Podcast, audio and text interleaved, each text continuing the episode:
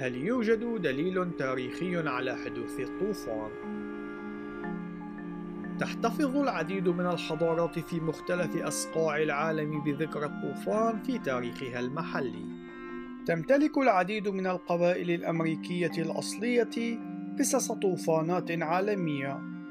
تروي إحدى هذه القصص من قبيلة الشوكتاو كيف أن البشر قد وصلوا إلى درجة من الفساد إلى أن الروح العظيمة دمرتهم من خلال طوفان ونجا رجل واحد فقط.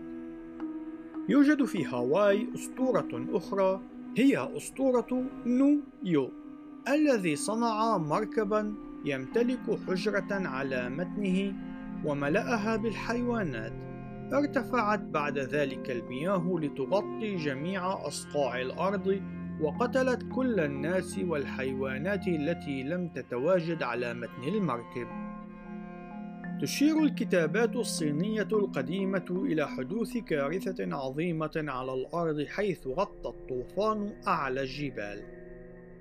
يمتلك هنود التولك الذين ينتمون إلى الحضارة المكسيكية القديمة قصة تتحدث عن عدد من الأشخاص الذين نجوا من الخراب الذي سببه طوفان عظيم غطى أعلى الجبال.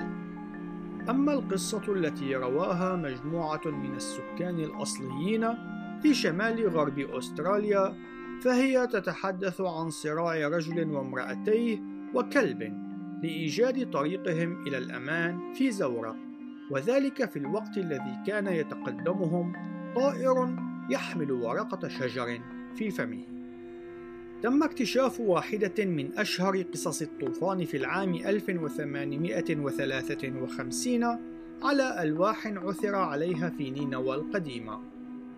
يدعى نوح في ملحمة جلجامش هذه باسم أوتنا بشتيم. تمتلك هذه الملحمة أوجه تشابه كثيرة مع سرد الطوفان المسجل في سفر التكوين. لذلك يعتقد العديد من العلماء أن قصة سفر التكوين قد اشتقت منها إلا أن ملحمة جلجامش هي أسطورة نموذجية فهي تحتوي على كائنات سحرية وعدد من الآلهة بالإضافة إلى الزخرفات والفلك ذو الاحتمالية الضعيفة بشكله الصندوقي في حين أن سرد سفر التكوين يقرأ مثل التاريخ الحقيقي. ربما تشير القصتين إلى نفس الحدث الحقيقي إذ يحتفظ سفر التكوين بالسجل الأصلي في حين أن ملحمة جلجامش تقدم نسخة مشوهة.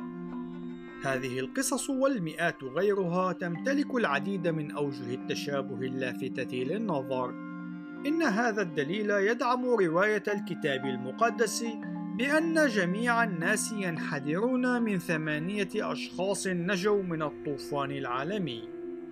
إن الكتاب المقدس يحتفظ بسرد لشهادة عيان مكتوبة لحدث تاريخي حدث في تاريخ العالم.